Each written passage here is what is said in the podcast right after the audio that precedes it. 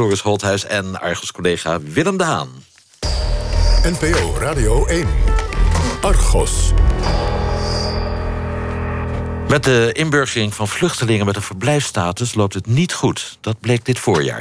Het gaat niet goed met de inburgering van de migranten... die op 1 april hun inburgeringsdiploma zouden moeten hebben gehaald... is maar de helft geslaagd. Minister Ascher spreekt van tegenvallende cijfers... en heeft een onderzoek ingesteld. Vluchtelingen die in Nederland mogen blijven... hebben vaak grote moeite om in te burgeren. Mensen halen hun inburgeringsexamen niet... of doen er langer over dan toegestaan. De eerste uitkomsten van het onderzoek dat minister Ascher dit voorjaar aankondigde, gaan deze maand naar de Tweede Kamer. Wij onderzoeken het probleem op onze eigen manier, namelijk dankzij verslaggever Colette van Nune, die klasseassistent is geworden in een inburgeringsklas in het Brabantse Os. Ze leert vluchtelingen Nederlands en de vluchtelingen leren Colette wat inburgeren in de praktijk voor hun betekent. Nou, dat wordt een reportage in de vorm van een standplaats Argos op Radio 1, maar ze schrijft er ook over op de site De Correspondent. Goedemiddag Colette, welkom. Goedemiddag. Wie zit er in je klasje? Nou, dat is heel erg divers. Dat zijn mensen die uh, hoog opgeleid zijn, maar ook mensen die alleen maar de basisschool hebben gehad in hun eigen land. Ze komen van overal ter wereld. Leeftijden zijn ook heel verschillend. Uh, de jongste twee in mijn klasje zijn 20 jaar en de oudste is 66. Dat is Mina. Ik ben Mina. Ik kom uit Iran. Woon in Oost. Uh, vijf jaar in. Ja, vijf jaar in Nederland. Ja, ja. Ja, je hoort wel hoeveel moeite ze nog heeft met dat Nederlands. 66 jaar, dus heeft al vijf jaar les toch. Maar ze heeft in Iran geen opleiding gehad. Dus ze moet echt alles leren zoals een kind op de basisschool. De, de hele basale dingen. Nou, daarvoor krijgt ze wel wat extra tijd. Dus ze heeft eerst een alfabetiseringscursus gevolgd... en daarna is ze naar de inburgeringsklas gegaan. Geef je een goede kans om haar examen ooit te halen? Nou, de docent die, die denkt van niet. Die heeft al geprobeerd om vrijstelling voor haar aan te vragen. Eh, dat kan namelijk wel als je aantoont dat iemand voldoende zijn best heeft gedaan... maar het gewoon echt niet kan. En als die vrijstelling er niet komt? Ja, dat, dat kan wel uh, consequenties hebben. Want in elk geval moet ze de hele studieschuld aan terugbetalen. En dat is 10.000 euro maximaal. Nou, daar komt zij wel aan. En volgens de wet zou ze ook haar verblijfsvergunning nog kwijt kunnen raken. Nou, mensen worden niet zomaar teruggestuurd naar, het land, uh, naar een land waar het onveilig is. Al mag dat in theorie dan misschien wel. Um, maar het heeft wel gevolgen voor haar... want ze kan ook uh, geen Nederlands paspoort aanvragen... zonder inburgeringsdiploma. Nou, je hebt een beetje geschetst dat in zo'n inburgeringsklas... het rijp en groen door elkaar is. Hè? Mensen ja. met een lage opleiding, oudere mensen... mensen met een goede opleiding, jongeren. Om hoeveel mensen gaat het in het hele land? Het gaat in totaal uh, de, eerste helft van dit jaar 12.000 mensen die inburgeringsplichtig zijn geworden. Uh, en dat zijn dus mensen die een verblijfsvergunning hebben gekregen... en dan binnen drie jaar uh, hun inburgeringsexamen moeten halen. En vorig jaar waren dat in totaal 15.000 mensen. Wie zit er nog meer in je klasje? Nou, we komen dus overal vandaan, alle leeftijden. Uh, Somalië, Eritrea, uh, Syrië, Sri Lanka, heel interessant. Uh, allemaal die verschillende mensen natuurlijk. Sina uit Afghanistan, die heeft ook een bijzonder verhaal. Ik ben Sina, ik kom uit Afghanistan. En ik woon in Lowland, vlakbij Den Bosch. Ja. Ja, 2013. Ik kom, kom hier. In Nuland komen wonen. Toch? Nee, uh, eerst ik kom hier 2009. Uh, ik ga naar het interview. Dan ja. gezegd, ja, ben je moet terug naar Afghanistan. Ik zei, ik kan niet gaan terug naar Afghanistan. Ja. Ik heb een probleem. Ja. Dan ik ga naar de Noorwegen. Hm. Dan ongeveer zes maanden zoiets. Ik was daar. Mm -hmm. En de Nederlander gezegd, nee, je moet terug. Toen heeft Nederland gezegd dat jij terug moest komen? Ja. ja. Omdat je hier je eerste aanvraag ja, hebt gedaan? Eerste, ja, eerste ja. keer is hier. Ja. ja. ja. Dan uh, komt, komt hier en uh, gezegd nee, je moet gaan naar Afghanistan, moet terug naar Afghanistan. Ja. Ik zei, ik kan niet. Ja. ja. dan nog een keer gaan naar Zweden. Zweden? Zweden, hè, voor de goede verstaander. Nou, hij heeft inmiddels heel uh, Scandinavië gezien.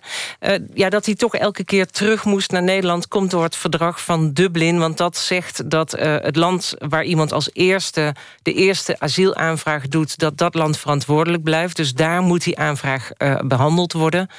Nou, Sina is een ondernemende man. Die probeerde het in Noorwegen, in Zweden, in Denemarken, in Duitsland. Elke keer werd hij teruggestuurd. En in 2013 had hij eindelijk een grond om asiel te krijgen... namelijk bekering tot het christendom. Pardon? Parkeer, ja, bekering tot het christendom. Dat helpt?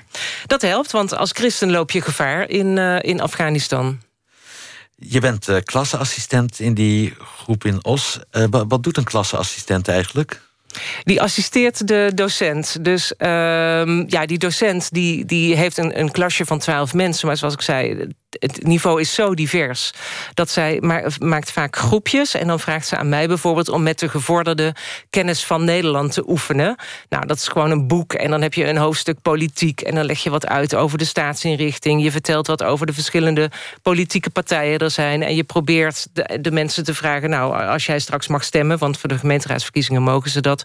Doe je dat dan ja of nee? Nou, gewoon echt inburgeren dus. Als je legt uit wie eh, de PVV is en uh, VNL en uh, Thierry Baudet. Ja, vooral Wilders is eigenlijk bij iedereen uh, dat bekend. is eigenlijk de enige De enige die bij echt iedereen bekend is. Dus je moet juist uitleggen wie Diederik Samson en Mark Rutte zijn. Ja, inderdaad. Ja, ja. Was het makkelijk daar binnen te komen? Want ik kan me voorstellen eh, dat ze gewoon zouden hebben gezegd... u, u bent helemaal geen klasseassistent. U bent een journalist. Ja, klopt. Maar ik ben daar heel open over geweest vanaf het begin. Ik heb vorig jaar al uh, contact gelegd met vluchtelingenwerk in Os. En toen ben ik taalcoach geworden van een, uh, van een Syrisch gezin. Uh, mensen die toen net in Os kwamen wonen. Die heb ik een jaar lang begeleid, één op één. En daar heb ik ook een documentaire over gemaakt. Dus ze kenden mij daar al en vonden het dus prima... als ik van dichtbij kwam kijken. Nou, dat is heel transparant, zoals je dat noemt. Ja, ik doe dat eerlijk inderdaad en open, ja. Wat gaat je onderzoek inhouden? Wat, wat, ja, ik loop nu een beetje op je onderzoek vooruit hoor. Maar uh, wat wil je allemaal te weten komen? Nou, Kijk, inburgeren, dat is natuurlijk iets wat de, de, de politiek die, die stelt elke keer allerlei, allerlei eisen aan, aan mensen. Waarom doen ze dat? Niet omdat ze nou zo belangrijk vinden dat zo'n examen uh, misschien gehaald wordt, maar gewoon dat die mensen echt een plek krijgen in de Nederlandse maatschappij. Hè? Dat inburgeringexamen is ergens voor bedoeld. Nou, ik wil weten in hoeverre dat effectief is. Is dit nou de manier de beste manier uh, om, om mensen in te laten burgeren. Dus ik ga van heel dichtbij kijken... waarom slagen mensen nu wel of niet voor hun examen? Uh, zijn de lessen bijvoorbeeld wel of niet goed? Daar wordt ook onderzoek naar gedaan. Hè? Uh, niet alleen door een vandaag zoals deze week... maar ook door een, een onafhankelijke instantie als Blik op Werk... die door het ministerie van Sociale Zaken daartoe is aangesteld. Nou, is het bijvoorbeeld zo dat mensen zelf niet opkomen dagen op de les? haken ze af? Waarom zouden ze dan afhaken? Al tegengekomen in de Os, afhakers? Ja, zeker. Emma ben ik tegengekomen. Emma, is Emma ja, Emma die gaan Wie is we, Emma? Emma die gaan we ook horen in de documentaire. Ik heb haar, alleen, ik heb, ik heb haar, ik weet alleen dat ze er is. Ik heb haar verder nog niet echt ontmoet. Ik heb dat telefoonnummer nee, en afgesproken dat namelijk. ik. nee, ik heb haar wel gezien. Ik heb een afspraak met haar. Ik ga met haar praten, maar je loopt inderdaad op de zaken vooruit.